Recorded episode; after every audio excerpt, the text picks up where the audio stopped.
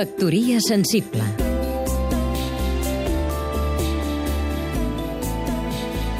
Oleguer Sarsenedes, periodista a l'edició d'enguany del Mobile World Congress s'han pogut veure els accessoris i complements imprescindibles per a la vida moderna que es portaran aquesta temporada.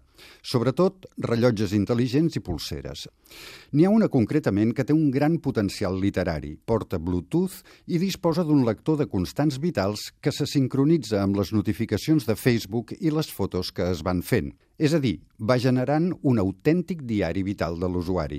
Estem davant d'una renovació del gènere dietari o es tracta d'un nou gènere literari?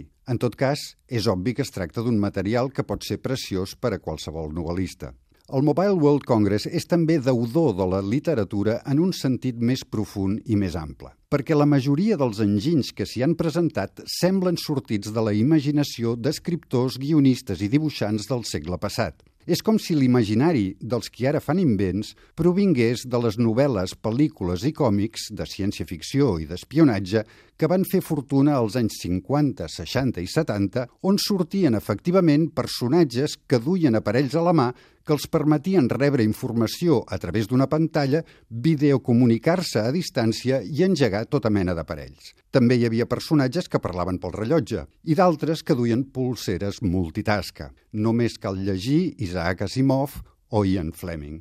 La reflexió seria aquesta. Si resulta que el futur acaba sent com l'havien pensat, potser més val que ens fixem en què pensem.